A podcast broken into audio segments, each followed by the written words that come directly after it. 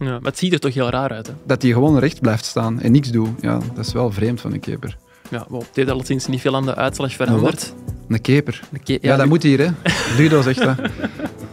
Voor een doelman. Een stuk hout is dat toch, of niet? Ik ben voetbaljournalist Janko Beekman en elke maandag bespreek ik de voetbalactualiteit. Vandaag zit ik rond de tafel met mijn vaste vriend Koen Frans, AA-agentwatcher Koen van Uitvangen en onze chef voetbal Ludo van de Wallen. Welkom bij de voetbalpodcast van het Nieuwsblad. Welkom bij Shotcast.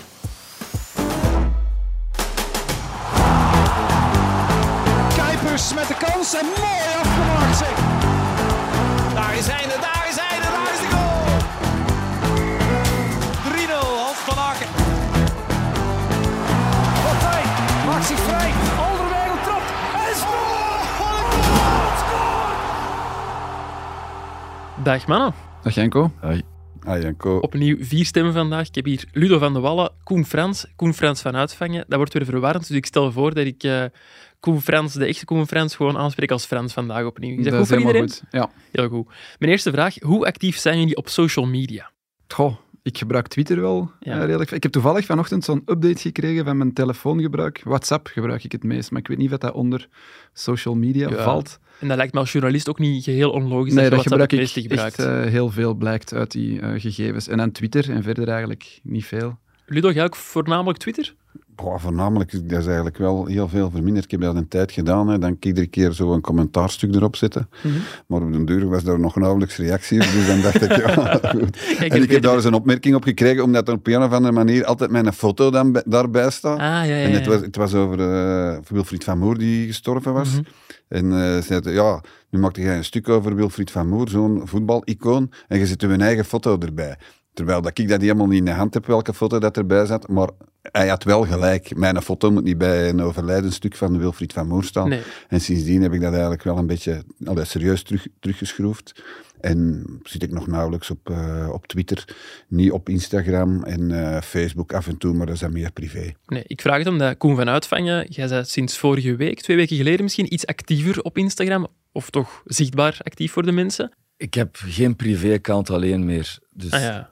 Ik, had, ik was alleen voyeur en nu ben ik ook iets, zelf iets actiever. Maar het is puur wat dat Ludo doet, ook gewoon om artikels te delen in de, en om in de toekomst misschien daar ehm, het, het te gebruiken als communicatiemiddel eigenlijk. Want soms moet je met mensen in contact komen waar je geen nummer van hebt en dan is dat wel handig. Ja, bijvoorbeeld spelers of, of, of makelaars zelfs. Die Ja, vooral actief zijn op, internationaal. eh, maar ja. in, in België is dat nu niet echt een probleem. Ik zag dat Conduze het artikel had gedeeld vorige week. Dus jij had iets op Instagram gezet, Ja. jij dacht je daarin en hij had het gedeeld. Dus dat, Ja. dat is dan de bedoeling eigenlijk. Nee, dat is nog niet de bedoeling. Ah, maar ja. het is om, om, eh, ik, soms, ik heb al soms eh, grote namen moeten contacteren in het buitenland. En als, die- als je geen actieve account hebt, ik zit niet op Facebook bijvoorbeeld en Mhm. op Twitter ook niet echt actief. Dus dan is dat moeilijk om dat die mensen weten wie dat je bent of, eh, of dat dat wel echt is. Ja. Ik vind het wel mooi.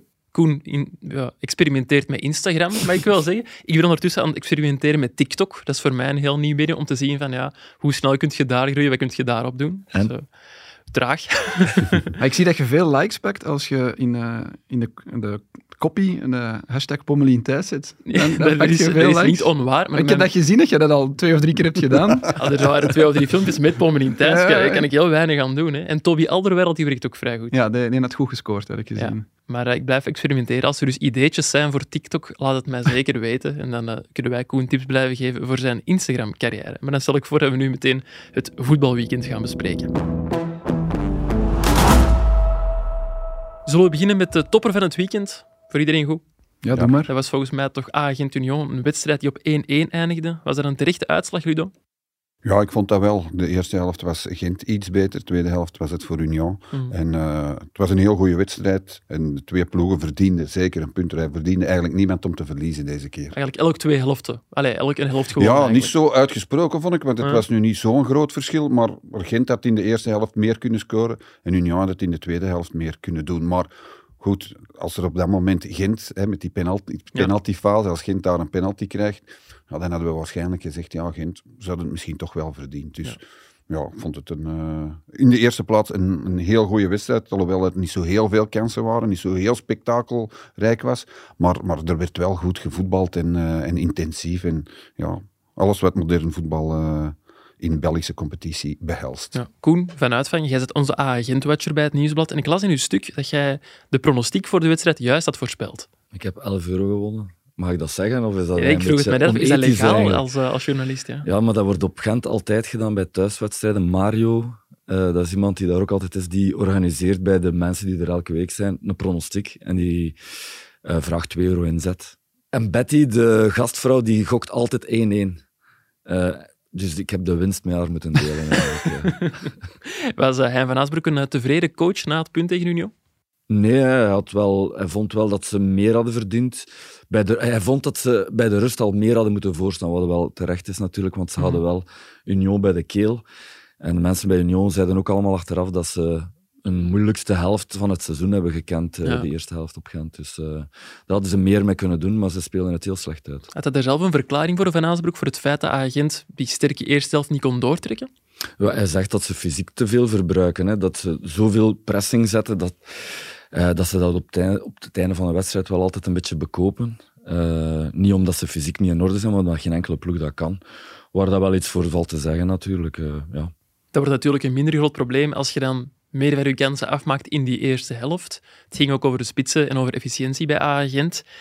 Eh, er werden er ook vragen gesteld over Gift Orban. Er was Hein van Aasbroek niet opgezet mee met die vragen. Hè? Ja, de vraag was eigenlijk, waarom stel je Orban niet op als je weet dat ehm, jouw ploeg wegzakt en dan kan je die andere inbrengen. Maar ja, het probleem is, Orban heeft eh, tien dagen niet getraind. Dus die had eh, een blessure opgelopen in de wedstrijd tegen Anderlecht en die is pas vrijdag, denk ik, terug aangesloten. Mhm. Ja, dan stel je die niet op in een topper tegen Union als iemand twee weken niet getraind heeft. Maar vroeger inbrengen had toch wel gekund? Had kreeg hij vijf minuten. Er was nog een wissel Ietske voor meer, die... ietske die was meer. ietsje meer? Ja, Ja, het was heel laat, tien. vond ik. Ehm, als je die nu brengt op het uur, of, of nou, nog de zeventigste minuut, nu wachtte die. En ik had het gevoel dat het publiek Orban, eh, zijn naam scandeerde bij een wissel daarvoor. Of Heb ik dat verkeerd gehoord op de tv? Dat heb ik Dat, niet le- gehoord. dat leek zo Ik heb alleszins. dat ook niet gehoord. Dat het publiek zoiets had van misschien Orban toch maar sneller brengen. maar ze waren wel enthousiast toen, Toen hij inviel, ja. toen Ja. was het publiek wel eh, enthousiast. Van Aasbroek zei in zijn discours ook van... Ja, met journalisten over, over tactiek discussiëren, dat, dat doe ik eigenlijk niet, want jullie kennen er minder van dan ik. Ja, hij zegt eigenlijk, jullie weten ook niet wat er zich allemaal afspeelt, dus jullie kunnen niet oordelen Nee, over ja. een opstelling, wat dat ook wel klopt, want wij zien geen trainingen, wij weten ook niet altijd wie er... We willen wel, we willen ze wel zien Ja, ja, ja, maar er zijn ook spelers die ziek zijn geweest, die een blessure hebben, we, we weten dat nooit. Eh, dus dat is altijd moeilijk om aan opstellingen, maar ja, de vervanging, daar kan je wel iets voor zeggen. Eh, maar eh, nee, hij vond die vraag ongepast, eigenlijk.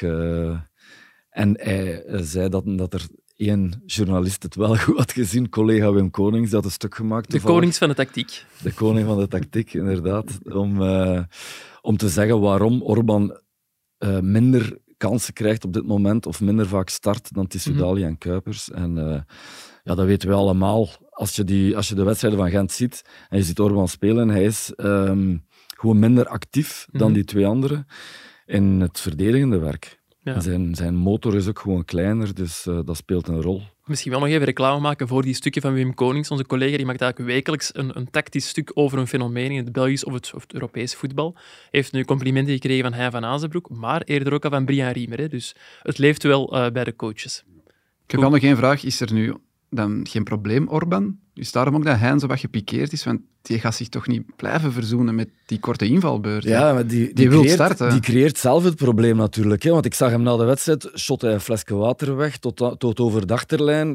Milicevic ging bij hem om hem wat eh, te troosten, maar hij reageerde daar nogal robotachtig Ja. op, om het zo te noemen. Eh, dus, en iedereen heeft dat gezien. Dus ja, hij creëert zelf ook zo'n soort van beeld van ja, ik ben altijd maar ontgoocheld. Ja, daar moet je ook wel een beetje mee om kunnen.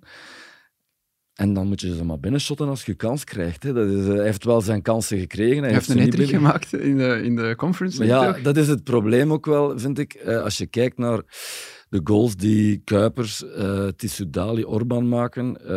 allee, zeker het geval Orban. Hij maakt er hoeveel? Acht Europees of zo? Maar ja, tegen wie? Ja, tuurlijk. Ja. Breida blik. Effectief, ja. Onder andere. Ja. En, en, en andere Jannekes en Miekes. Dus eh, ja. Over spitsen Maar ik gesproken. vind wel, Sorry, sorry eh, Janko, maar ik vind Ludo. wel dat eh, die uitspraak van Hein van Hazenbroek, die natuurlijk in, in die zin gelijk heeft, je weet niet wat er op training gebeurt, je weet niet eh, wie dat er geblesseerd is, maar je ziet wel als journalist ook wat er gebeurt. En eh, wat, wat ik maar wil zeggen is van, het is niet zo dat journalisten minder van voetbal kennen dan trainers. In het algemeen. Dat vind, dat vind ik niet. Eh, je moet niet eh, een chef-kok zijn om te weten of dat uh, biefstuk goed is of niet goed. Hè? Begrijp je uh, wat ik Nee, nee, je kunt je oordelen kunt wel oordelen van, ja. oei, Kuipers rendeert niet meer, of, eh of, of eh, Tissou Dali zit niet in de wedstrijd. Waarom breng je niet vroeger eh, Orban? Eigenlijk is dat wel een redelijk eh, legitieme vraag, vind ik. Goed, dat Van Azenbroek dan zegt, ik breng hem niet, omdat hij, omdat hij heel de week niet heeft getraind. Oké, dan heeft hij gelijk. Maar om daar dan meteen aan te koppelen, goh, journalisten kennen er niks van, dat vind ik dan wel een beetje eh, overdreven. Dat Ja. wil ik nog, nog even kwijt. Maar je hebt gelijk, je hebt, je hebt gelijk. Wij mogen oordelen hoe goed een biefstuk is. Maar als, je, als die niet lekker is, moet je ook wel weten waarom dat die niet lekker is. En als je, als je dat niet kunt uitleggen, ja, dan, dan hebben die chef-koks wel recht van spreken natuurlijk. Ja, vind jij dat? Als Ja. ik nu sliptongetjes ga eten en ik vind ze, en ik vind ze, ik vind ze niet lekker. Ik heb nog nooit een sliptongetje gemaakt, een biefstuk wel, maar een, een niet. En, ik kan, en ik zeg van ja, die is niet lekker. En ik, dan kan ik niet zeggen waarom dat die niet lekker is. Nee, nee, maar je mag kunnen zeggen dat het niet lekker is, maar ga jij dan beginnen, had je niet beter die boter gebruikt, als je niet weet waarover, hoe Janko, dat je het maakt, ingrijpen, daarover Janko. gaat het Ja, dan. ik, ik laat dit graag gaan. over- het Nee, gaat nee over- maar dat wil, ik, dat, dat, dat Ja. wil ik zeggen. Als er inderdaad een aanwijsbare reden is, zoals nu in het Ja. geval Orban, dan kun je dat zeggen. Maar om daarom te koppelen van journalisten kennen er, eh, kennen er niet veel van, dat vind ik niet juist. Wij zijn ook maar een publiek die kijkt naar de wedstrijd en zeggen van goed, eh, was een- die heeft goed gespeeld of die heeft slecht gespeeld. Dat recht hebben wij toch als journalisten. Ja, maar nu wij heb de je het over het oordeel dat wij geven aan een wedstrijd of aan spelers. Ja, maar waarom dat iets goed of niet goed loopt, dat weten wij toch niet altijd. Nee, nee, We kunnen nee, die nee, vraag nee, maar dat- stellen natuurlijk, Ja, ja, ja. dan kunnen die vraag Maar wat was, de vraag? wat was de vraag juist? Waarom start Orban niet? Of Ja. waarom valt hij niet sneller in? Waarom start Orban Waarom start hij niet? Oké. Ja, nee. Dan snap ik hen wel. Maar waarom valt hem niet sneller in? Ja, dat, dat kun, die vraag kun je nog wel stellen. Of dat hem nu ziek is geweest of niet. Want als je 15 minuten kunt spelen, kun je denk ik ook een half uur spelen. Toch? Ja, ja, ja. ja En ik had ook het gevoel, zoals Ludo zegt, dat die Soudali en Kuipers, want Kuipers speelde uiteindelijk de hele match, maar dat die wel door hun beste krachten heen zaten, omdat ze zoveel hadden gegeven voor de rust. Maar bon. Met welk gerecht zouden jullie Mohamed Amoura vergelijken? nee, ik wou even over eh, Amoura beginnen nog, omdat eh, Van Aasbroek vertelde op zijn persconferentie voor de wedstrijd dat hij blijkbaar ook bij Agent had kunnen spelen. Ja, dat vertelde hij, ja. Dat wisten we eigenlijk niet. Ehm, de vraag was eigenlijk of, omdat hij had... Het, ik denk dat er ergens een soort ergernis bij hem is over het feit dat wij, eh, journalisten, media, weer ehm, Union te veel in de lucht prijzen om hun scouting en datascouting. Terwijl het volgens hem slechts een hele kleine fractie van de totale recrutering uitmaakt. En eh, hij had het over eh, Van Houten of Van Houten, Mhm. waarvan dat we wisten dat Gent daarin geïnteresseerd was en dat hij ermee gepraat had. Maar hij begon dan zelf ook over Amoura of Amora. Wat is het nu eigenlijk? Amoura. Wij zeggen Amoura. Wij zeggen Amoura. Ehm, die ook aangeboden is geweest op Gent en op Anderlecht. Ehm, dus wilde hij zeggen van ja, wij hadden die ook kunnen nemen. Ja, ze hebben hem niet genomen. En ik weet ook niet of dat ze hem zouden genomen hebben, want hij, hij, hij kostte wel wat. En eh, Gent heeft geen eh, geld uitgegeven. En daarbij nog eens, eh, mocht er een spits vertrokken zijn bij Gent, dan was er een, een type Lemaic gekomen en geen type Amoura. Dus dat wil ik nog met een korrel zout nemen. Ze hadden hem kunnen hebben, maar ik wil het nog zien dat hij bij Ja, Gent het is altijd gemakkelijk achteraf van ja, hij is, hij is bij ons geweest en we hadden hem ook kunnen nemen. Of hey, als die dan mislukt, dan zeggen ze we, hadden, wow, maar we vonden hem niet goed genoeg. Nu blijkt er, is het ook niet de fout van hem, van Hazenbroek? Uiteraard niet. Het is eh, de club die het geld niet wilde geven. En op dat moment kan ik dat aannemen. Maar het valt toch op dat Union dan altijd de goede spelers kiest. Gent heeft daar nu ook wel een reputatie in. Hè. Dat moet ik ook eerlijk toegeven met Orban, met Mhm, Kuipers, zeker. eh Tissou Dali gaan halen. Mhm. Dus die, hebben- die hebben ook wel goede spelers. Maar Union kiest toch ook altijd wel de goede spelers. En dat is toch ook wel een deel scouting. Hè. Het is misschien niet, niet 80% zoals wij het misschien eh, soms voorstellen. Maar het is toch meer dan de helft volgens mij. Ja. Agent maakte zijn doelpunt van op de penaltystip. Hadden ze ook een eh, tweede strafschop moeten krijgen? Een vrij makkelijke vraag. hè. Nee. Nee. Nee. Drie keer nee. Tweede vraag. Had Tissoudali een gele kaart moeten krijgen? Ik heb een ja van eh, René van der Rijken, onze huisanalist. Nee. Nee. nee. Dat wordt hier wel een heel korte podcast deze manier. Nee, maar dat wordt wel geraakt. Ik heb die fase nog eens eh, een paar keer teruggezien. Het was Rasmussen die erbij kwam. Van Houten trapt de bal weg. En Rasmussen raakt die Soudali echt op die plek waar dat hij met zijn hand naar grijpt. Denk, op Ja. zijn kuit of op zijn scheenbeen. ging wel heel theatraal liggen. Ja, dat wel. Maar ja, wordt wel geraakt, dus dan kun je geen geel geven voor een Schwalbe, denk ik. Oké, ik ben het ermee eens. Het ging net over die transfers van Union. Eh, dan moeten we het ook over Cameron Puertas hebben, de nieuwe uitblinker dit seizoen bij Union. Jij wordt ook wel onder de indruk, hè, Ludo? Ja, ik vind het fantastisch hoe spelers op een bepaald moment heel de wedstrijd naar zichzelf kunnen toetrekken. En dat deed Puertas gisteren. Ja. Hij was overal bij betrokken, maakte dan nog een, eh, een mooi doelpunt ook. Dus ik, eh, ik vond dat eigenlijk indrukwekkend. En eh, zo'n spelers, dat zijn, die zijn goud waard. Kevin De Bruyne kan dat bijvoorbeeld ook hè, bij de Rode Duivels. Ik vind dat... eh, Echt een wedstrijd doen kantelen. ja, en, en ook overal bij betrokken zijn. Zowel verdedigend in de opbouw, dan nog voor het doel verschijnen, de Ja. juiste pas geven. Dat was, eh, was heel knap van, eh, van Puertas. Het is niet de eerste keer dit seizoen, maar gisteren in een topwedstrijd, dat brengen vond ik echt wel eh, een acht waard in de krant. Zijn doelpunt. Davy Roef, gaat hij in de fout of niet? We zien niks, denk ik. Het is echt wel tussen... voor een doelman, ja, maar het is tussen Kandus en Watanabe. En het is verrassend hard. Botst ook nog voor de lijn. Dus ja, de- moment waarop hij trapt is verrassend Ja. ook, hè, want je verwacht dat niet. Dus het deed mij een beetje denken aan Thierry Henry, die kan dat ook altijd zo. Die fractie van een seconde voordat je verwacht dat hem trapte, trapte hij al. En dat was dan hard. En eh, ik had het er gisteren met Koen ook over. Eh, volgens mij staat Watanabe daar een beetje Iets te ver. iets te ver van, eh van Puertas, zodanig dat hij kan trappen. En ik denk het eerder dat het eh Watanabe is die, eh, die daar een foutje maakt dan, eh, dan Davy Roef. Ik denk dat je het ook ziet aan de, de manier waarop dat Roef duikt, dat het een reactie is om te reageren, maar dat hij ook niet ziet naar waar hij reageert. Want hij, hij, hij zweeft niet echt naar de hoek, hè. Hij Nee. springt zo aan het eilen. Dus dat is gewoon goed gedaan. En vind ik dat je niet te veel naar de keeper moet kijken, maar dat je gewoon de credits aan die speler moet geven. En als onbevooroordeelde roeffan uh, zeg ik dat dat zijn fout niet is. Onbevooroordeeld, ja? Oké, dat is heel goed. Misschien nog knapper bij Puertas was, was die actie dat hem uh, Kandus poort en dan, ja, ik zeg, vol een jab, hè, met de volle Ja. tip. Dat is Antwerps, daar moeten we mee Ja, opletten. ja, daar moeten we mee opletten. Maar dat hij met volle tip, dat zie je ook niet meer veel. Hè. Eerst die, dat poortje bij Kandus Nee, nee. en dan met de volle tip probeert hij ook uit te halen. Als die erin had gegaan, had het nog een Hij had het zottere beter anders gedaan. Dan had hem ook beter naar Thierry Henry geke- gekeken. Die durfde dat ook wel eens Die- met een tip. Ja, ja maar Ja. die legde hem dan wel keurig in die verste. dat is waar. Het is nog geen Thierry Henry. En Van Aasbroek vond dat agent mede verdiende. Was Alexander Blessin volledig tevreden met zijn union? Is ongelooflijk, Alexander Blessing. Ik denk dat hij dit seizoen nog geen enkele keer tevreden is geweest. Natuurlijk, misschien heeft dat... eh allee, hij moet dan ook niet vergeten dat hij in een heel lastige privésituatie zit. Nee. Maar hij is altijd heel streng voor zijn, eh, voor zijn ploeg. Gisteren ook. eh Koen was ook op de persconferentie. Ik kan het beamen. Een heel litanie over die eerste helft, hoe slecht dat die was. En dan, ja, aan de tweede helft was beter. Dat wordt dan afgedaan in één zin. Ja. Goed, het is misschien een soort van amateurpsychologie om, die om de spelers scherp te houden. Ze werkt wel, blijkbaar. Maar eh, inderdaad, tot hiertoe werkt het wel. Maar allee, ze spelen wel beter dan dat hij zegt, vind ik. Maar Ja. het is ook wel makkelijk om streng te zijn als je van boven staat. Hè? Wat doet hij als ze, mochten ze die punten niet hebben, zodat hij dan ook heel de tijd Ja, eh, ja, dan klagen? doet hij waarschijnlijk het tegenovergestelde. Vandaar dat ik zeg amateurpsychologie. Eh, luisteraar Yuri Stoop die maakte van eh, Cameron Puertas zijn kapitein in zijn Fantasy Pro League ploeg en werd zo de winnaar van speeldag 15 in onze mini-competitie. Proficiat. Doe jij mee, Koen? Ja, ik heb gezien dat ik vierde sta zonder dat ik daar ooit nog naar gekeken heb. Dat kan niet. Bij Echt ons? waar, boven jullie. Boven jou alleszins. Ja, ja, ja. Oh, in eh, die van Nieuwsblad dan, of van Shotcast. Is dat niet hetzelfde? Nee, nee, nee, er is een aparte mini-competitie. Het zijn me verbaasd dat je daar zo hoog staat. Maar Maar kan jij hebt, jij hebt toch geen twee verschillende ploegen, hè? Nee, nee, nee. Ik nee. sta boven u. Straks wel even checken. Ja, Ik ga hier, dat niet kijk. tegenspreken. Ik, eh, ik heb eh, zeven punten meer. Proficiat, Koen. Ja, ja, Dat is ja, ook krijgt de, de laatste passage van Koen in Shotcast. Nee, ik heb er niet meer naar omgekeken. Ik weet niet hoe dat, dat werkt. Ja, ik dus- ook veel te weinig. Een, eh,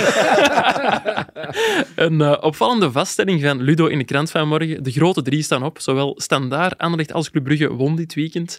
Standaard reed dat zaterdagavond al met 1-0 tegen Racing Genk. En de manier waarop Hoefkes Standaard laat voetballen, Ludo, dat bevalt u wel. Ja, ik, eh, ik, ik zag echt wel parallellen met Erik Gerrits. Oh. Waarvan hij een week of twee, drie geleden eh, bij ons in de krant vertelde dat dat zijn grote voordeel is, eh, een voorbeeld is. Mhm. En eh, ja, ik zag vooral die jonge spelers die hij er zonder boe of bij ingooit, dat is typisch Erik Gerrits, dat deed hij vroeger ook. Nam ook zo van die, ja, ongewone eh, beslissingen. En, en dat draaide dan soms heel slecht uit. Ik herinner Ja. me ooit dat hij op buitenspel ging spelen tegen Jo- Josip Weper van Anderlecht. En dat hij met 0-7 verloor. Terwijl de grote sponsor van, eh, van Lierse op dat moment, Daewoo, in de tribune zat. En de voorzitter ja, razend was. Maar die deed van die dingen. En soms lukte dat ook. En vandaar is hij ook die grote trainer geworden die hij is.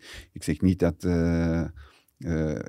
Karel Hoefkes die weg opgaat of, of, of, of, of al zo groot is, maar, maar, maar het, het, het is wel hetzelfde. En het past wel bij standaard ook.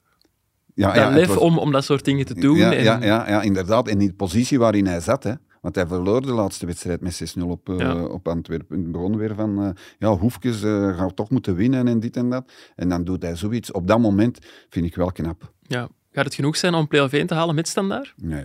Nee? Sowieso te Standaard weinig? haalt uh, play-off 1 niet, nee. Zeker? Ja. Iedereen lijkt er vrij zeker Ja, aan tafel. Het is veel te wisselvallig. Nou, en ik vind wel, als je kijkt naar de stand na het afsluiten van een zomermercato, dus nadat de, de, sterko, eh, de nieuwkomers zoals Alzate en zo er nog zijn bijgekomen, staat standaard derde in de stand. Dat is toch vrij straf? Standaard heeft nu thuis gespeeld tegen Club Brugge, Mhm. heeft thuis gespeeld tegen Anderlecht, nu tegen Genk. Daar moeten ze allemaal nog naartoe. Ja. En buitenshuis is het toch wel een heel pak minder. Hè. Mhm. Ze hebben thuis gespeeld tegen Union ook trouwens. Dus dat, is, eh, dat zal toch nog wel veranderen, vrees ik. Oké. Wel een chique goal weer, hè? KWB Absoluut. in de volley. Ja, heel, eh, heel mooi heeft Niet zijn eerste mooie goal hè, van KWB. Tegen Ander, was het Anderlecht? Ja, dat was ook een doelpunt Ja, ja. van hem. Ja, toch ook even lof voor al die Aziatische spelers eh, bij ons in de competitie. Want ik vind dat die allemaal Ja. fantastisch spelen. Machida gisteren maakte er een foutje met een terug, terugspeelbal. En schoof ongelukkig uit. Maar vind ik ook een hele goede speler. Wat dan AB ook grote fan van. AB, eh Hong, dat is dan eh, Koreaan. Maar echt, ja, ik zie ze graag bezig. Altijd onverdroten inzet. Nooit, nooit te veel zeveren tegen die arbiter, wat, eh, wat al die anderen zo goed Ze kunnen. kunnen het niet. Nee, maar, maar je ziet ook bijvoorbeeld, Ma- Machida maakt gisteren die penaltyfout. Hè? Ja, Ongelukkig. En die ligt, dan, die ligt daar dan en die begint niet van zijn tak te maken of, of weet ik veel wat. Eh, ja, het was wel schuldbesef, hè, omdat ja, het was gewoon de meest zuivere ja, penalty. Ja, ja, maar Ja. ik- ken heel veel spelers die trappen de bal zelf buiten en dan steken ze nog Ja, naar hem op en waar. beginnen ze nog te discussiëren tegen, tegen de was trouwens een heel grappig beeld. Uh. Lothar Dont, ja, Lothar Dont die tegen Amoura ging zeggen, ja, nu echt geen... Maar hoe zou je dat gezegd hebben? Kan die in Misschien- Algerijns of, Ja, of vloeiend Arabisch? Arabisch, ik weet dat niet. Ja, Lothar Dont maakt er wel een sport van om tegen iedereen een hele uitleg te beginnen. Hè. Vind ik Tegen ook Sven een was het ook op een overdreven. gegeven moment. beetje overdreven hoe dat die... eh, Dat wordt aangeleerd acteert. volgens mij. Ja, er wordt gezegd van, ja, probeer een, een vriendschappelijke relatie, mag ik niet zeggen, maar een, een normale relatie op te bouwen met spelers en met trainers. Maar ik vind het wel een beetje overdreven hoe dat Don daar dan iedere keer de les speelt aan die, aan jongens. Eh, dat kan op een andere manier ook. De gebeten dond. Anderlecht heeft de Brusselse derby tegen RWDM gewonnen met 2-1, maar heeft veel bloed, zweet en tranen gekost. Eh, was wel een terechte zege voor Anderlecht, Ludo? Ja, oververdiend. Hè. Eh, Hoe dat RWDM zich presenteerde na het doelpunt, dat was echt eh, afbraakvoetbal. Meer kan iets anders kan ik daar niet van zeggen. We kunnen dan wel sympathie hebben voor de underdog, maar dan heb ik toch liever dat de ploeg die aanvalt en die wil, dat die wint. Ja. We hebben het er net gehad over Davy Roef, of die al dan niet meer had kunnen doen bij die goal van Puertas. Had eh, Schmeichel meer kunnen doen bij de goal van RWDM? Springen bijvoorbeeld? Ja, springen zoals dat Roef heeft gedaan, eh, zoals Koen zei, springen, maar niet weten naar waar. Dat had hij misschien kunnen doen, maar het is nu al wel enkele keren op rij dat hij zonder reactie blijft. Hè. Eh, Schmeichel, dus... Oog nog altijd niet scherp. Het was niet alleen in die fase, er was nog een fase waar hij zo ook niet Ja. ging. Nou, de vrije schop van Mercier dook hij toch vrij goed, vond ik. Maar nee, ja, die, die een trap van, eh, van Mercier. Ik denk nu wel of het hem nu iets had gedaan of niet. Dat hij was hem niet zo had hem niet goed geraakt, paal binnen, overhoeks, Ja, maar het ziet er toch heel raar uit, hè? dat hij gewoon recht blijft staan en niks doet. Ja, dat is wel vreemd van een keeper. Ja, bon, het heeft alleszins niet veel aan de uitslag veranderd. Een keper. Een ke- Ja, dat moet hier, hè. Ludo zegt dat. Voor een doelman. Een stuk hout is dat toch? Of niet? op de kever beschouwd. Eh, de ommekeer van Anderlecht werd ingezet eh, van op de stip. Penalty. Terechte strafschop? Ik vind van niet. Nee? Nee, op de, ik, ik, het is pas in de herhaling, in de vertraagde beelden, dat, dat een strafschop wordt. En als, op het moment zelf leek het mij geen strafschop. Maar ja, we hebben een VAR, dus we hebben die, die herhalingen ook. In de slow-mo dan weer, een slow-mo penalty. Dus je kunt hem fluiten, maar geen clear error. Dat denk ik ook, ja. Dus dat, dat gaat volgens mij ook de, de uitleg van het referee department Ja, het is nu half één, we hebben die uitleg nog niet gekregen. Maar Ja. ik vind het wel een moeilijke discussie. vind ik het ook een overbodige discussie eigenlijk. Sorry. Het is gewoon... De podcast, Ludo, ja. Ja, Het is gewoon hoe dat je het interpreteert. Ik vond dat nu bijvoorbeeld wel een strafschop, want hij gaat met zijn voet vooruit naar, naar, naar Ja. de bal. En hij raakte enkel. En hij heeft Ja. het geluk dat hij eerst een bal raakt en dan pas de lijn niet. Als het omgekeerd is, is zeggen we allemaal, allee, denk ik toch, dat het strafschop is. Het is allee, dat zijn van die discussies. Laat het over aan de scheidsrechter. Als hij zegt, ja, het is penalty, is het penalty, is het geen penalty, is het geen... Allee, dat, dat, dat is niet zo... Zeker geen clear error, nee. Wilt je het er nog over hebben of liever niet meer? Ja, doe maar, Janko. De Fournier had hem wel bijna. Dat is wel ondertussen Ja, een specialist. Hè? Ja, maar die pakt er twee van Jansen. Ik en heb ook dan bijna een foto met Pommelien thuis, maar ik zit hier ook echt goed. Ik wou gewoon nog even zeggen dat de Fournier dat goed had Dan mag gedaan. ik even Maar... zeggen wie dat eh strafschopspecialist in de Belgische competitie is. Qua Iemand waarvan dat je geen fan scoren of ik penalties onbe- pakken. De onbevooroordeeld Saar. van, fan van ben. Dus dat? Davy Roef, ja, ja, dat weet ik ook. Maar van waar de, de, is dat de Antwerpse link of waar is de... Ja, ik vind dat gewoon een, een, een normale jongen die in het doel staat, die waar. het doelpunt binnenkrijgt. Die begint niet tegen iedereen te schelden van, om te laten zien van het is mijn fout niet. Die blijft gewoon cool. Ja. En ja, ik vind ook wel eh, respect voor zijn carrière. Ja. Hoe fit waren jullie op jullie 36e? Alle drie. Gisteren. Ik ben nog geen 36, dus... Dat is vooral een vraag van Ja. Koen en Ludo. Ja, redelijk fit, maar eh, niet het niveau voor, eh, van Jan Vertongen bijvoorbeeld. Hopla, Ludo heeft mijn bruggetje direct doorzien. Dat is mooi. Koen, jij fit? Ik zal zeker geen linkse voorzet hebben gegeven op mijn 36. Nee, nee, maar hoe indrukwekkend is dat wat dat Jan Vertongen brengt vandaag Ja. bij Anderlecht? Daarmee laat het toch zien dat hij van een enorme klasse is. Hè. Allee. Wij kunnen dan soms wel eens kritiek op hem ge- hebben gehad bij de Rode Duivels. Of, of dat je hem zag spelen bij Tottenham. Dat je dan dacht van oei, Jan, dit gaat toch niet meer zo. Maar dan komt hij naar de Belgische competitie. Idem voor eh, Al- Toby En dan steken die er hier toch mee op hun leeftijd. Met slimheid, met intelligentie, met positiespel, met inzicht. Ja. Steken die er dan met kop en schouders bovenuit. Ik vind bij Vertongen wel het contrast met zijn eerste maanden bij Anderlecht vrij groot. Toen oogde het allemaal zo nog tegen zijn zin op een of andere manier, vond ik. En nu is het echt wel met volle overgave voorop in die strijd. Het moet dan toch zijn dat hij zich meer en meer gezetteld heeft de voorbije maanden. Ja, hij zal zich moeten zetten hebben in die groep als leider Mhm. ook. Hè, en dat doe je niet van de eerste dag waarschijnlijk. Was dat deze week dat dat filmpje ook uitkwam? Van Ja, in van de rust op staan daar? Vond ik wel leuk om te zien ook. Amai, ja. Misschien even kort uitleggen wat er toen gebeurde. Het was bij de, de rust tegen Standaard stond Anderlecht met eh, 0-2 voor. De jonge gasten van Anderlecht waren al vrij euforisch en heel hard onder de indruk van hun eigen spel. En Vertongen i- iedereen met de voetjes op de grond. Dat was echt kwaad, hè? Ja, zonder eh, gevolg wel voor, eh, voor hem. Ja, en hoe raar dat het ook klinkt, omdat je zegt die eerste maanden, maar Jan Vertongen is geen tafelspringer ook niet. Hè? Dat is niet iemand die ergens binnenkomt en zijn wil gaat ga op, opleggen. En ik denk dat dat ook meespeelt in die eerste maanden bij, bij Anderlecht, dat hij ook zijn plaats nog zocht. Meer En- en- observeerde. En, ja, en, en ook nog ja, vanuit een soort eh, bescheidenheid of eh, nederigheid zei van ja, ik ga hier nu nog niet de, de, de, de, la- de touwtjes in handen nemen. Nee. En dat hij nu wel zover is, omdat hij Dat moet zich nu groeien misschien thuis, ook wel, thuis voelt. En ik denk dat dat ook karakterieel is gewoon. Hij neemt nu wel echt de bast ook bij de hand. Hij is bijna spelmaker als, als laatste man. Ja, gisteren En was het indrukwekkend. Ik had het opgezocht, hij had de meeste baltoetsen. 108 118 aangekomen passes, 94 procent. En 40 passes daarvan naar het aanvallende gebied. Dat is echt heel veel. Ja. 12 op 14 nauwkeurige dieptepasses en één voorzet getrapt. Dus zo slim is ook die eh, rechtsbak van RWD met rood. En de Vertongen gaat ene keer naar links en Heris moest uitstappen, maar dat is een centrale verdediger. Normaal stonden die met vijf op een lijn altijd. Op die moment was er geen rechtsbak meer. De Vertongen ziet dat, die denkt, ik ga daar gewoon staan. Trapt één voorzet, dat is een goeie. En ze winnen. Ja. Dat is dan ook wat, wat Ludo zegt. Dat is dan dat net iets slimmer zijn, denk ik, dan die andere mannen. We weten dat je dan misschien die ene keer toch eens mee moet gaan met zijn verleden als linksbak. Hij, hij hij zei het met een knipoog, ik heb wel eens links een bak gestaan. Mm, vrij vaak. Die heeft 80 interlands links een bak gestaan, maar bon. Ehm, ja, ik, ik vind dat, ik vind dat ongelooflijk wat hij nog doet op zijn leeftijd. Fijne mensen ook volgens mij. Fan van de kampioenen. Dat zijn allemaal wel eh, fijne mensen.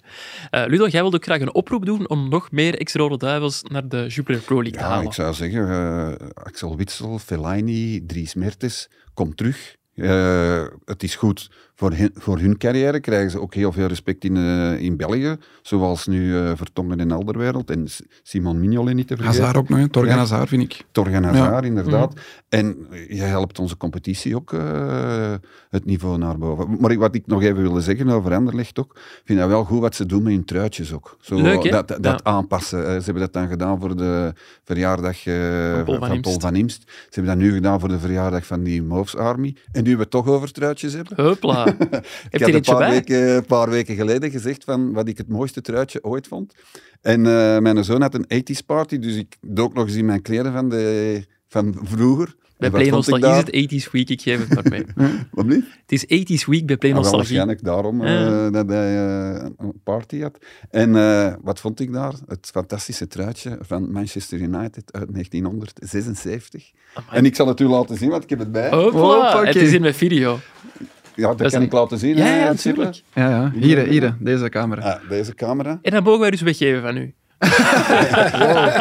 Maar dat is wel heel, heel klein. Dat is Ja, zijn natuurlijk. Toen was ik 12 jaar toen ik dat eh, heb gekocht Allee, en gekregen. En, ik zeg het nog eens, de eerste merchandising, want, ik zal dat ook nog eens eh, laten zien in de camera, Het logo is het logo staat erop. Ja, dat is nu een beetje afgewassen uiteraard. Mhm. En dit staat erop. En in die eh neptruitjes staat ofwel het, het merk of het logo er niet op. En dat ik Admiral, dat, dat was een kledingmerk dan. Dat was... Admiral. Ja.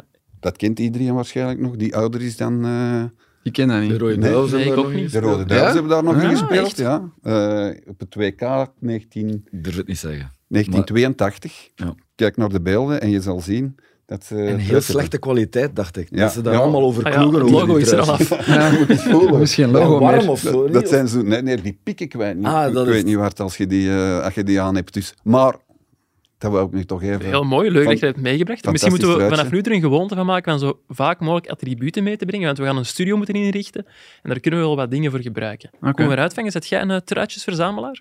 Nee, maar mijn kinderen wel. eh, als we ergens op vakantie gaan in een Ja. of ander exotisch land, dan proberen zij een truitje van daar te scoren. Ik heb ook die, die hobby ontwikkeld sinds kort. Maar soms is dat ook wel een beetje pijnlijk, want ze hebben zo een truitje van het merk Adadis. Uit Ethiopië dan waarschijnlijk. Het is. Tanzania, maar inderdaad. Ja. Goed, nog een ploeg die we moeten bespreken is Club Brugge. Dat won zondag met 0-1 van OHL. Ik was eh Club Brugge-watcher at interim, want Pieter en Kalkoen had alweer vakantie. Zeg. Dus, eh, nee, dat moet, hè. we moeten onze recupdagen wegwerken Ja, ja, van Ludo. Ah, zo. Eh, het voetbal van Club Brugge was nog niet om over naar huis te schrijven. Dat zal eh, toch beter moeten als ze de komende weken eh, willen winnen van Standaard en Zulte Waregem in de beker. Ik wil het wel nog even over OHL hebben, want Koen, jij hebt de coach van, van OHL, Oscar Garcia, geïnterviewd voor de krant. Want die man heeft wel een, een opvallend verhaal. Hè? Ja, een zeer tragisch verhaal vooral. Hè. OHL is eigenlijk OH Leuven, moeten we zeggen. Ja, sorry. Zijn eerste club sinds hij ontslagen is eh, vorig jaar bij Rijms. Mhm. En eh, die periode eh, bij Rijms, ehm, zijn dochter was al acht jaar ziek, die had kanker. Mhm. En hij had in die periode gevraagd om wat vaker thuis te kunnen zijn op vrije dagen. En het liep ook niet geweldig bij Rijms. Zij stonden net boven de degradatiezone, dacht ik. Ehm, en die twee factoren hebben gemaakt dat hij ontslagen is. Zijn dochter is een maand nadien overleden. En ja, de vraag was ook een beetje van, ja, wil je dan nog werken? Ik denk dat de meeste van ons, in, wie kinderen heeft en in zo'n situatie komt, dan vraag je je af, hoe, hoe doe je dat? Want kan je dat nog?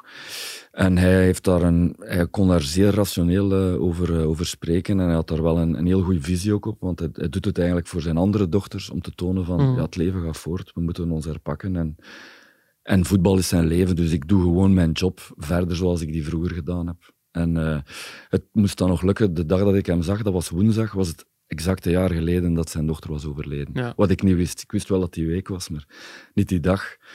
Maar ook daar ging hij, ja, zonder, zonder veel emotie, vertelde hij daarover, wat het nog indrukwekkender maakt eigenlijk, dat je dat zo kan plaatsen al, eh, natuurlijk. Ja, absoluut. Je Dat was wel een goed interview. Absoluut, ook, een heel goed Ook interview. Over, eh, over Johan Cruijff en zo Ja. vond ik het. eh, hij heeft eronder gespeeld, is assistent geweest van Johan Cruijff, ook bij de nationale ploeg van Catalonië. Boezemvriend van Jordi ook. Koen, je bent bij ons, eh, naast Agent Watcher, ook wel de man van de, van de grote interviews. Is dat hetgeen wat je zelf ook het liefste doet? Ja, ik doe dat wel graag, ja. Als ze iets te- als ze willen vertellen, het hangt natuurlijk af, als die man daar niet over wil vertellen, hij heeft dat ooit al één keer gedaan, als hij tegen mij zegt, sorry, ik spreek daar niet over, ja, dan sta je daar en dan heb je een ander verhaal. En Mhm. mensen moeten wel open willen zijn natuurlijk ook. Hè. Ja. En niet iedereen is dat altijd. Je hebt ook al veel klapstoelen. Dat zijn zo de, de grote interviews voor de grote toernooien bij ons gedaan. Eén keer heb je dat gedaan, ja. ja, ja. Dat is vaak. hè. En eh, er zitten vaak heel grote namen op. Wie zijn zo, ik wil het rondje rond de tafel misschien wel eens maken. Wie zijn de grootste namen die jullie ooit hadden geïnterviewd? Goh, bij mij zal dat niet veel groter zijn dan de huidige generatie Rode Duivels, denk ik. Het leukste interview dat ik ooit heb gedaan, waar ik het zelf ook het meest onder de indruk was, was na de Classico Vermalen. Dat is Barcelona 0-3 had gewonnen in Bernabeu. In de mixed zone dan. Ja, en dan Vermalen had eh, Cristiano Ronaldo in zijn zak gestoken. Ah. En ja, die, al die spelers passeren daar. En omdat wij daar van de Belgische pers waren, dat was nog 11, kregen wij als enige Vermalen. En dat was wel, dat was wel tof, want je zag ook echt... Die speelde niet veel, maar die match speelde hij. En eh, Ja. hij speelde een geweldige match. En dat was wel een fijn interview. Maar ja, dat is nu niet echt de grootste naam. Hè. Vermalen heeft iedereen hier waarschijnlijk al geïnterviewd. Verder, Ik ken, ja, eh, nog even niet. denken. Bijna. En, eh, we zullen zien misschien ooit. Ja. Ludo, hè? Ja, dat mij toch een paar niveaus hoger gaan. als, Verschil moet er zijn, hè. Verschil moet er zijn. als, eh, als Koen, maar ook in een, eh, in een setting die op een mixed zone leek, maar dat was toch eh, Lionel Messi. En dat is dan niet het verhaal van de scheidsrechter van eh, de Bleker, maar voor een eh, Champions League eh, finale, waar ik hem dan op meer of andere reden een beetje apart had eh, om te praten. Hebben we toch een minuut of vijf à tien eh, met Messi kunnen praten, als je dat een interview noemt. Jij apart? Ja, ja, ja, re- rechtstreeks.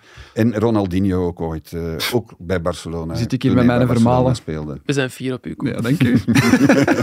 Kom weer uitvangen. Ik heb eh, Marco van Basten een paar jaar geleden gedaan en ik ben nog nooit zo zenuwachtig geweest als toen. Dat was Zenuwachtig echt- toch? Ja, ja, ja. Dat had ik niet nu gezien. Een jeugdidool of zo. Of waarom dan? Nee, maar dat is toch een indru- indrukwekkende persoonlijkheid. En ook zo, niet zo'n, ge- die lijkt niet zo'n gemakkelijke. Ook, Nee, dat snap ik. Dus Van Basten. En eh, toen ehm, KDB Cup was hier een, jaar, een paar jaar geleden, heb ik heel even met Pep Guardiola mogen spreken, one-on-one. Maar dat heeft vier minuten geduurd of zo. Ja. Oh, daar ben ik wel jaloers op. ja, maar hij had niks te vertellen en, eh, en hij had er ook echt geen zin in. Ja, Dus, die eh, kan ook wel echt bij de hand Cruijff- doen. Hè? Johan Cruijff heb ik ook ooit geïnterviewd. Wauw. wat een namen hier. Ik heb mij laten vertellen door een eh, zeer goed geïnformeerd vogeltje, Koen, dat jij altijd een cadeautje meeneemt als je een grote naam gaat interviewen. Niet altijd, het Ah, hangt ervan af. Maar nu voor, voor Pep bijvoorbeeld wou ik die wel wat gunstig stemmen en had ik ehm Gentse neuzekes mee en nog iets van patisserie ook. En hij heeft dat toch mee naar huis genomen, heb ik achteraf gezien, want hij eet graag ook. Als je, zijn boeken, als je al een keer een Ja. boek hebt gelezen.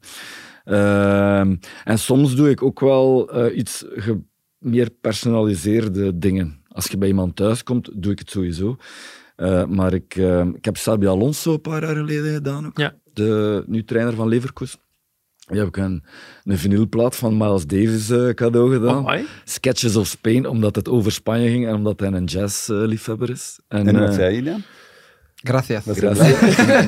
ja, ja, hij leek blij, maar hij heeft er niet veel aandacht aan geschonken. Eh, ik heb Dries Mertens ooit, als, ik, als hij de transfer van PSV naar Napoli had gedaan, eh, was ik bij hem thuis voor een interview. En toen heb ik hem een boekje cadeau gedaan met ehm, Napolitaanse gebarentaal. Ja, oké. Dus om zo te leren eh, ja, met je handen spreken. Hè, zoals Ja, in het Italiaans. Ja, Tof. bijvoorbeeld. Ik heb nog een leuke anekdote, ook nog een grote naam dat ik heb geïnterviewd, is Louis van Gaal. Oh, ik heb er een verhaal over. Toen hij in het begin, in het begin eh, bij Ajax was. En toen was het nog niet de gewoonte dat eh geïnterviewde de interviews na- nalas. Ah, nee. Dus ja. ik deed het interview en hij zei ja, en ik zou nu dat interview wel willen lezen. Ik zeg gewoon nee, Gaan we niet doen, Louis. dat doen we niet. eh. ja, ja, sorry, maar dan, dan zal het interview niet verschijnen. Ik zeg ja, jawel. En, eh, en, en een heel discussie, ik sta recht, echt. Ik denk, denk, ik ga hier recht staan. Eh, ik, ga het, zeg, ja, ik, ga nu naar, ik ga naar het gerecht gaan als je dat doet. en dan heb, ik, dan heb ik toch maar gezegd, ja oké, ik zal het u na- laten nalezen, waardoor hij, waardoor hij dan eh bijna heel het interview heeft veranderd. Niks speciaal, Nee. maar, maar ook zo... Toch ja, gedaan. die zin niet zo beter, niet beter zo schrijven en zo, zonder dat dat eigenlijk aan de inhoud veranderde. Maar hij vond de zinsconstructies niet altijd even, Oh, even geslaagd. Ja, wel, ik heb Louis van Gaal vorige week, of twee weken geleden ondertussen, een mailtje gestuurd. Omdat Antwerpen binnenkort in de, de Champions League tegen Barcelona speelt, leek het me leuk om Louis van Gaal in de podcast te hebben. Ik wou er zelfs voor naar Portugal gaan als dat moest. Ehm, en ik had hem vrij lang nagedacht over mijn mailtje en zo, zijn e-mailadres te pakken gekregen. En de ochtend daarna kreeg ik al antwoord en zei, ik had erin gezet van om een kop koffie te drinken samen. En hij stuurde terug. Ik zit in de Algarve. Lijkt me wat te veel moeite om alleen een kop koffie te komen drinken in Portugal. Dus ik zeg, ja, maar misschien een interview. En dan heeft hij mij eh, heeft hij gereageerd. Daarnaast ben ik adviseur bij Ajax en volgens mij werkt een adviseur in stilte, uitroepteken. Buiten dit feit, dit feit heb je nog geen interviews kunnen vinden met mij na het WK, uitroepteken. Dus zeker geen interview, uitroepteken, uitroepteken, uitroepteken. dus ik heb nog nooit zo'n duidelijk antwoord gekregen en dat is ja, na Pommelien Thijs, mijn, mijn pijnlijkste afwijzing sinds mijn carrière als journalist, kan ik wel zeggen. Ik, heb zijn e-mailadres, ik had zijn e-mailadres. Ja, ik heb ik hem een paar nu. jaar terug eh, ook geïnterviewd. En toen was die wel in het kader van een boek dat toen uitkwam eh, over hem. Die was super vriendelijk. En die heeft eigenlijk niks aan mijn interview veranderd eh, toen. Nou ja, het is Ja. altijd aan mij gelegen. Maar dat waren goede ziens, ziensconstructies. Ja, ja, ja. Ik heb trouwens Frank de Boer ook ooit een cadeau gedaan, want ik had gehoord dat hij fan was van Luther Vandross. En ik weet niet of je dat kent, maar Nee. ik vind dat heel slechte soul. En toen heb ik die toch twee cd's cadeau gedaan van iets dat ik betere soul vond. Ik weet niet, Al Green denk ik, en iets anders. Omdat, nee, ik vond dat niet kunnen. Ja. Zeg, al die Dus- cadeaus. Ludo, jij moet de, de... Ja, hoe moet je dat zeggen? De, hoe heet dat nu weer? De, de Onkostennotas. onkostennotas van Koen Goedkeur. Kun je dan ook zien waar hij koopt allemaal? Ja, eigenlijk wel, ja. Maar de, allee, die verhalen, dan... Is er ooit al lingerie bij geweest? Zot. ik stel voor dat we het terug over voetbal gaan Er hebben. zat We- wel eens een bril bij, geloof ik, voor een of andere trainer. We zijn eh, halfweg de reguliere competitie. Kunnen we al conclusies trekken? Blijft stil. Goh, bij Union de, de enige constante is van de voorbije drie jaar. hè. Dus de enige ploeg die drie jaar op rij halfweg de competitie in de top 4 staat. Ja. En misschien dat Cercle Brugge de revelatie van de competitie is? Ja, die is, er is al, elk jaar een revelatie. En dit jaar, maar ik heb dat eens vergeleken. Vorig jaar hadden die eigenlijk maar zes punten minder op dit moment. Ja. Maar, Maar- je kunt ook wel seizoenen na elkaar de revelatie zijn, natuurlijk. Niet? Waar die vorig jaar, ja, vorig jaar waren die ook al wel een revelatie. hè. Ja, ja Cercle Brugge, die overperformen wel. Dat vind ik wel... Allee, dat had toch niemand verwacht, denk ik, dat die halfweg op de vierde plek zouden staan. En je kunt het niet eens gestolen noemen, want die spelen gewoon elke keer hun match. En die staan daar wel verdiend in mijn ogen. Maar ik vind toch Union, ja, ik blijf erbij. Ik vind het het strafste. Ik Ja. vind dat echt gek. Dus die staan drie jaar op rij in de top drie na hun promotie naar de eerste klasse. En die andere ploegen die fluctueren, dat is eens Antwerpen, dat is Club Brugge, nu, nu staat Gent daarmee. Anderlecht eh, doet het nu beter dan de voorbije twee jaar. Maar Union, die staan daar elke keer. Ja, over eh, Cercle, over de volledigheid. Wonnen met 2-0 van Eupen dit weekend. Het ging er net op de vergadering bij ons ook even over. En het is wel moeilijk om er de vinger op te leggen van wat maakt Cercle Brugge nu zo goed? Wat maakt dat die zoveel punten halen? Is het het heel specifieke voetbal van Muzelic? Zijn het goede transfers? Is het gewoon een heel lastige ploeg om tegen te spelen? Kunnen jullie dat uitleggen?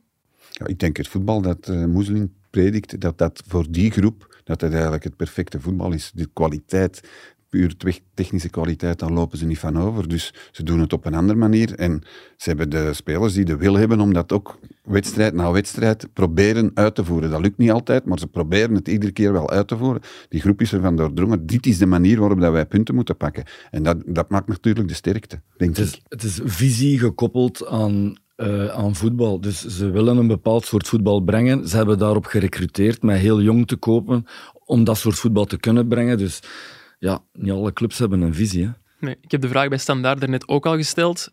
Kandidaat voor play-off 1? Ja, ik ik denk toch dat ze er gaan uitvallen, maar je, je weet nooit. Er is altijd wel een, eh, een verrassing. Ik verwacht nog altijd dat Club Brugge er gaat bijkomen, uiteraard. En ik zie dan ook niet wie, wie, wie er dan wel zou uitvallen in plaats eh, van Club Brugge. Op dit moment lijkt mij Cirkel Brugge toch nog altijd de grootste kanshebber. Ze hebben nu acht keren gewonnen, dacht ik. Of negen keren? Nee, acht keer. Acht keren gewonnen. En zeven keren... Nee, Zes één keer. keer. gelijk en zes keer verloren. Ze hebben ook wel zes keer verloren, natuurlijk. Ja. En ze hebben het laagste doelsaldo van de eerste acht, denk ik, of zo. Dus ze zitten op het randje. Ja, het is En nipt. Het is ja, het nipt. is nipt, hè. Ja. Maar als, het, als ze erin slagen om play-off 1 te halen, te halen, is dat echt chapeau. Ja, Dan denk absoluut. ik dat eh Moeslin eh, in aanmerking komt voor eh, trainer. Goh, ja, ik zeg altijd Moeslin. Ja, dat is niet erg. Inderdaad. Maar ik dacht, we zullen het ineens verbeteren. Dan moeten de mensen geen mailtjes Dan sturen. moeten de mensen inderdaad geen mail sturen. Moeslic. Moeslin, dat is een oude dan coach komt hij wel in aanmerking voor, om trainer van, van het jaar te worden, denk ik. Oké. Wel een voorspelling? Ja, nee, hij- hij moet nog echt iets presteren. Hij gaat het Ja. nog niet worden. Ja. Ja, we moeten Ludo ook geen voorspellingen eh, In de mond laten doen die hij nog niet heeft gedaan. Ik stel voor dat we het deze week eens niet over de kleren van Glinde Boek hebben, maar misschien wel over de kleren van de fans van KW Kortrijk, want die pakten uit met een eh, opvallende actie voor de wedstrijd tegen KV Mechelen en deden allemaal een, eh, hoe moet ik het noemen, zilverkleurige, lichtgevende jas aan als eerbetoon aan hun coach. Leuke actie, mannen? ja, goed gedaan. Hè. Dat is toch hetgeen ja, wat, wat het leuk maakt. Ja, ik denk wel, zelf een andere jas eh, aan. had een rode trui een aan. blauwe en een rode trui en rode schoenen. Rode schoenen. Ik weet, ja, rode schoenen. Ze zijn er toch weer over zijn kleren weer. Ja. Ja, jullie zijn erover begonnen. Hè? Ja, Ja, dat is wel spijtig dat hij die jas niet aan had, natuurlijk. Maar ja, ja, dat dat is nog beter, beter geweest zijn. Ook spijtig dat ze niet hebben gewonnen. Het werd eh, 0-3 tegen KV Mechelen. Spijtig voor hen. Voor mij maakt het allemaal niet zoveel uit, natuurlijk. De boek was na de match wel zeer scherp voor zijn eigen spelers. Vonden jullie ook niet? Ja, dat was de eerste keer dat hij een echt zei van ja, we hebben eigenlijk de kwaliteit niet. Te veel voetballer, voetballers. Niet, niet mannen die willen winnen. Te weinig en doelgericht. te weinig doelgericht. Maar ik denk, ja, makker, je moet wel nog met deze mannen eh, het zien om te keren. Je staat nog altijd laatst. hè. Oké, er was eff- even een wederopstanding. Eh, een paar goede matchen gespeeld. Hij heeft wel maar een mental coach aangesteld om misschien zijn eigen steken dan een beetje te compenseren. ik ga ze mopje op Twitter. eh, is het geen mantelcoach in plaats van een mentalcoach? nee, weer over de kleren, sorry. Nee, ja, ik vond dat wel scherp van, eh, van de boek naar zijn eigen spelers toe. Dat zal toch een soort van teleurstelling geweest zijn. In, Het was wel echt slecht, Ze, ze ja. hebben op dit moment een heel belangrijke reeks. Hè. Ze hebben KV Mechelen, dan hebben ze nog eh, Westerlo en Eupen. Dus ja, hij had er misschien wel op gerekend dat ze uit die wedstrijden een 7 op 9 zouden halen. Dan hijsen ze zich echt uit, eh, weg van die laatste plaats. Met een 0-3 tegen KV Mechelen begint je natuurlijk heel slecht. En dat kan wel gevolgen hebben ook op mentaal vlak voor de volgende wedstrijd. Het is zeven punten, hè. de kloof op uh, Charleroi is het, die op een veilige, de eerste veilige plaats is zeven punten. Dat is veel om, om, om goed te maken. Nou ja, ik ik. denk Als je dat- maar negen punten hebt, halfweg de competitie, zeven punten heel veel om goed te maken. Ja, wel ja, ik denk dat Kortrijk zich gewoon moet klaarstomen voor die, voor die play-offs die, eh, die eraan komen dan, hè, voor met die vier laatste ploegen. Ja, en in, in de winterstop, eh, alleen nog in januari, nog een paar spelers proberen bij te halen, zodanig dat ze daar uitkomen. Maar dat ze, denk ik, stilletjes aan toch mogen vergeten dat ze nog uit die eh, laatste vier gaan wegraken. Ja, toch? Want jij was de man die eh Glenn de Boek had getipt als de, de nieuwe coach van KV Kortrijk. Je voorspelt nu ook dat ze zich niet meer gaan Nee, ik denk dat niet. Nee. redden of niet gaan weggeraken bij die laatste niet, vier. niet bij die laatste vier. Hij had ook wel getypt dat de boek zich nog wel snel met randzaken zou gaan bezighouden. Dat is ook wel gebeurd met heel dat ja, kledij-fiasco. Ja, maar dat is niet zijn fout, denk ik. Hè? Mm, goh, hij doet Ja, toch aan, aan, maar, maar dat iedereen er opmerkingen Nee, nee. begint over te geven. maar dan moet hij er misschien ook niet meer op reageren. Goh, ja, hij, hij is er- hij heeft er zich toch een beetje in verloren, heb ik de indruk. Ja. Schuld, schuld is langs twee kanten, maar hij had er misschien moeten boven staan of zo. Ja, maar ja, hij heeft vier jaar geen trainer geweest, krijgt dan een kans en dan beginnen ze over uw jas. Ja, je hebt die dan gekocht. Ik snap het ook wel. Je moet hem ooit aandoen, natuurlijk. Genoeg over KV Kortrijk, Glenn de Boek en zijn kledijkeuzes. Tijd om over te gaan naar onze wisselrubriek. In onze wisselrubriek, het is wissel, want er gaat ooit nog wel eh, een ander eh, ja, wekelijks rubriekje komen, denk ik. Eh, maar we hebben het hier dus wekelijks over legendes die nog actief zijn in de lagere reeksen. Mijn collega Pieter en Kalkoen die vertelden hiervoor de Interlandbreek een, een opvallend verhaal over een Engelsman die in Kokzijde kwam voetballen. En er is zowaar een vervolg. Dag Janko, Pieter Jan hier. Ik heb bij mijn laatste passage in Shotcast een verhaal verteld over Barry Dunn, die in de jaren 70 bij mijn vader Frankie Calcoen eh, in de provinciale reeksen in Kokzijde voetbalde. Barry Dunn was een, eh, een professioneel eh, Engelse voetballer. Nu, dat verhaal van mij was niet helemaal waarheidsgetrouw. En ik heb het proberen te checken eh, door Barry Dunn zelf te contacteren. Die man leeft nog, woont in Engeland en herinnert zich nog heel goed zijn passage in Kokzijde in de jaren 70. Het was effectief zo dat hij bij Kokzijde belandde, omdat hij dacht dat Kokzijde een nationale voetbalploeg was, dus een ploeg die in tweede nationale, derde nationale speelde. Maar dat was niet het geval. Eh, toch heeft hij de stap gezet, is hij de uitdaging aangegaan en is hij ook effectief in Kokzijde komen wonen, tot hij op een bepaald moment geschorst werd. Hij herinnert zich niet heel goed waarom die schorsing er kwam. Maar hij veronderstelde dat het was omdat hij fout had gereageerd op een aanslag van een tegenspeler, want hij werd heel hard geviseerd, eh, vertelde hij. En vervolgens is hij een paar weken teruggekeerd naar Engeland, waar het leven hem opnieuw zo beviel dat hij toch begon te twijfelen over zijn toekomst in België. Uiteindelijk is hij dan nog een tijdje op en afgekomen naar Kokzijde, dus hij kwam dan met het vliegtuig naar Oostende. Daar werd hij opgepikt en hij speelde dan zijn wedstrijden in het weekend in Kokzijde. Maar uiteindelijk werd dat toch een eindig verhaal. Wat heel opmerkelijk is aan het verhaal, is dat eh, Barry Dunn op dat moment al tegen de 30 aanliep. Maar na zijn passage in Kokzijde in het provinciale voetbal, dus echt wel op een laag niveau, is hij er toch nog in geslaagd om in Engeland in de eerste klasse te gaan voetballen. Eh, het was toen nog niet de Premier League, maar wel het hoogste niveau met Sunderland. En zo heeft hij toch zijn eh, jongensdroom kunnen waarmaken. Dus heel opmerkelijk. Eerste jaartje kokzijde, of een paar maanden kokzijde. En vervolgens toch nog spelen tegen clubs zoals Liverpool. Ja, dat is toch wel eh, een heel straf verhaal. Barry Dunn in kokzijde, aan de zijde van Frankie Calcoen. En eh, leuk verhaal, vind ik. Bedankt eh, PJ voor dat leuke verhaal. Inderdaad, voor sommige mensen is dat een grote stap van Kokzijde naar Liverpool. Niet voor Barry Dunn. Hebben jullie nog legendes gespot in de lagere reeksen? Nee, Nee. het blijft eh, stil. Maar Koen, jij hebt wel nog een toevoeging over de lagere reeks. Heb je mij via ik heb vorige week weten. twee, twee grote stukken gemaakt over de lagere reeksen. Eentje over Lokeren Temse, die eh, los aan kop staan in eerste nationale. En, Ah, ja. en goed op weg zijn om terug te keren in het profvoetbal. Wat toch wel een, een, een, mooi verhaal is van die club die, maar die is het nu vijf jaar geleden eh failliet is gegaan. En heten ze eigenlijk nog altijd Lokeren Lokeren Temse? Temse, ja. Ja? Het is nog Lokeren Temse. Ah, ik dacht dat er een... Ja, sommige Een fusieploegen hebben wel respect voor de ploegen, die zijn Ja. opgeslorpt. hè. Lierser en, bij Lierser en Beerschot zijn de Wilrijk en Kempenzone weggevallen, maar bij Lokeren is het nog Lokeren Temse. Eh, en opvallend daarbij is, ik heb daar twee spelers eh, gesproken die toevallig ook bij Lierse en Beerschot hadden gespeeld. Ah, Eh, Simon Vermeijren, Alex Maas, die trainen s'avonds. Dus dat is, dat is geen fulltime profploeg. Ja, je denkt, oké, logisch, eerst amateur, maar er zitten wel echt eh, fulltime profploegen in die reeks. Ja. Zoals La Louvière, de belofte van Gent trainen volgens mij overdag. Nog een paar van die belofteploegen werken met fulltime profspelers. Dus het is wel knap wat Loker daar aan toe is, want die staan, eh, die staan zes punten los op kop. En de tweede en de derde zijn ook effectief La Louvière en Jong AA Gent. Dus ehm, ja, ik zou dat mooi vinden. Moest, zou mooi eh, zijn als die terugkeren in eh, de Challenger Pro League, in het En het andere verhaal dat ik had gemaakt was over City Pirates, maar dat is eigenlijk meer dan een voetbalclub, dat is nog één reeks lager. Een club. Een club, ja, die hebben sportief niet meer echt ambities, maar dat is een sociaal project hier in, Mhm. in Antwerpen. Dat is ook de grootste voetbalclub van Vlaanderen. Die hebben 1400 leden, 64 ploegen en 3000 jongeren op de wachtlijst. En de zoon van Frank Raas. En de zoon van Frank Raas speelt daar, dus ja, dan verdient je een heel groot stuk in de Gazet van Antwerpen. Nou ja, En dan nog in- analist. dus ja. En dan nog in de Challenger Pro League. Eh, ja, ik verschiet ervan, ik volg ze niet meer, maar ja, Beerschot staat ook los aan kop. Eh, virtueel ook zes punten los, want ze hebben nog een inhaalmatch te goed. En dat is echt crazy, want ja, die hebben een paar van hun sterkhouders moeten laten gaan uit financiële noodzaak, vervangen door gratis profielen. En jongens die het allemaal heel goed doen. Derek Chimanga in de herfst van zijn carrière. Tom Reiners, ooit eh, belofte international. Knap assist dit weekend. Knappe assist dit weekend. Die komt er helemaal door. Heeft een zware blessure gehad, eh, kruisband. Ehm, daardoor bij Genk, want die, onder Clement trainde die mee met de eerste ploeg van Genk. Is er Ja. helemaal ja, afgeschreven en nu komt hij terug boven water.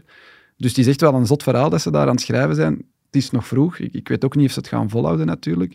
Maar ik vind het wel knap wat Beerschot dit jaar aan het doen is in die reeks. En aan Seba, ik heb het daar net eh, met onze cameraman gehad over Zulte Waregem. Ja, de het- gedoodverde kampioen in de ja, Challenger, maar die hebben het Pro veel League. lastiger dan ik had gedacht. Verliezen dit weekend 2-5 van de RCA Futures. Dat is toch echt een gekke uitslag. Absoluut. Ehm, dus ja, het is, het is eh, afwachten wie dat er naar de Jupiler Pro League gaat promoveren. Ik heb vannacht gedroomd over Jelle Vos. Oei. Ja, dat die verkocht was. Dat die verkocht was. Want Seba, die zit er nog, hè? Jelle Vossen. ja. Echt, oh, Een nachtmerrie voor. Zulte Samen met een van Gent. Ja, het was, het waren, die was zogezegd nog einde van Gent. Ja, rare droom. Als ze begint te dromen over Jelle Vossen, Ja, is het misschien erg. tijd voor verlof. Koen. Goed, merci Koen en Koen voor eh, deze toevoeging over de Challenger Pro League. Als er mensen nog legendes in de lagere reeksen spotten, mogen ze dat laten weten op shotcast.nieuwsblad.be. En dan gaan wij over naar onze afsluiter. Koen, Koen, Ludo, wat gaan jullie nog doen deze week? Ik heb nog een paar eh, leuke interviews staan, maar ik kan het nog niet echt verklappen, dus ik ga dat ook niet doen. Oké, niet doen dan. Ja. Ludo? Ja, we volgen natuurlijk onze ploegen Europees. En vanaf zaterdag eh, heb ik een week vakantie. En ga ik een week naar Spanje. Oh, waar in Spanje? Eh, dat zeg ik liever niet. ik weet waarom. Benidorm.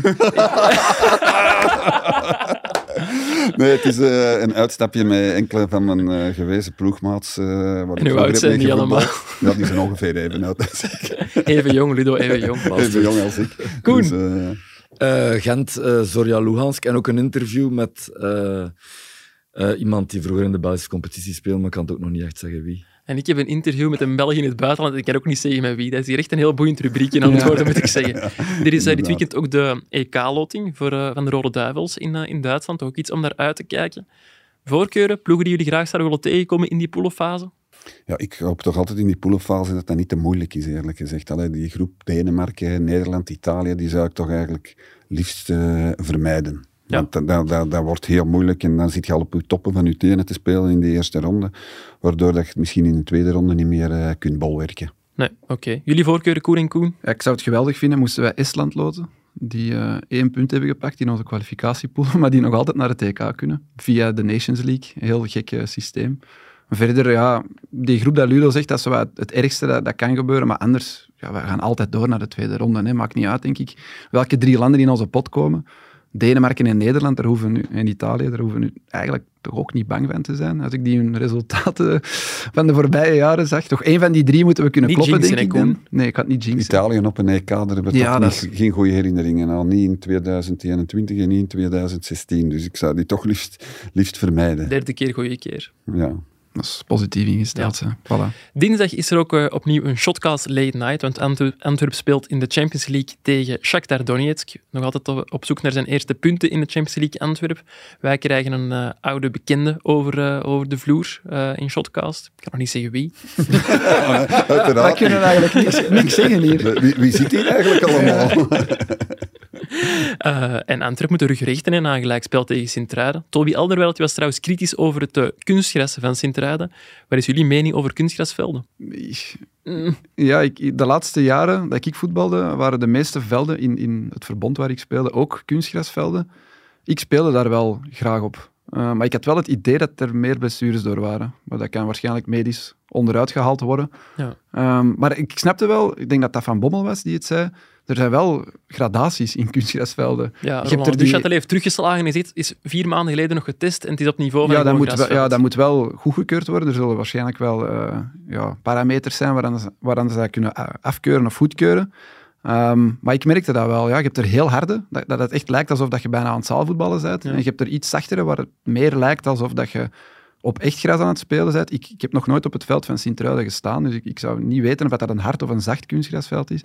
Maar, ik vind het wel flauw om erover te zeuren, want je weet dat al een heel seizoen, dat die ene match eraan komt. En ja, Sint-Truiden, die, die spelen de helft van die matchen op kunstgras en de helft niet. Dus zijn die niet zelf het meest benadeeld, eigenlijk? Ja, maar ik denk eh, dat eh, Van Bommel, wat Van Bommel zegt, dat er gradaties zijn. En je hoort toch vooral eh, opmerkingen op, op het, de kwaliteit van, Hmm. de, van het kunstgras op, op eh, Sint-Truiden. En natuurlijk, Roland Duchâtelet reageert er altijd als door een wesp gestoken op, omdat onder, die, onder dat veld ligt een garage. En als hij, als hij ooit verplicht wordt om, dat, om, om daar gewoon gras op te leggen, dat gaat dus gewoon niet. Hè? Nee. Vandaar dat hij er altijd zo hevig op, eh, op reageert, want dat is het einde van Sint-Truiden, bij wijze van spreken, of toch van Staaien. Als daar ooit wordt eh, een zaak van gemaakt en kunstgras mag niet meer.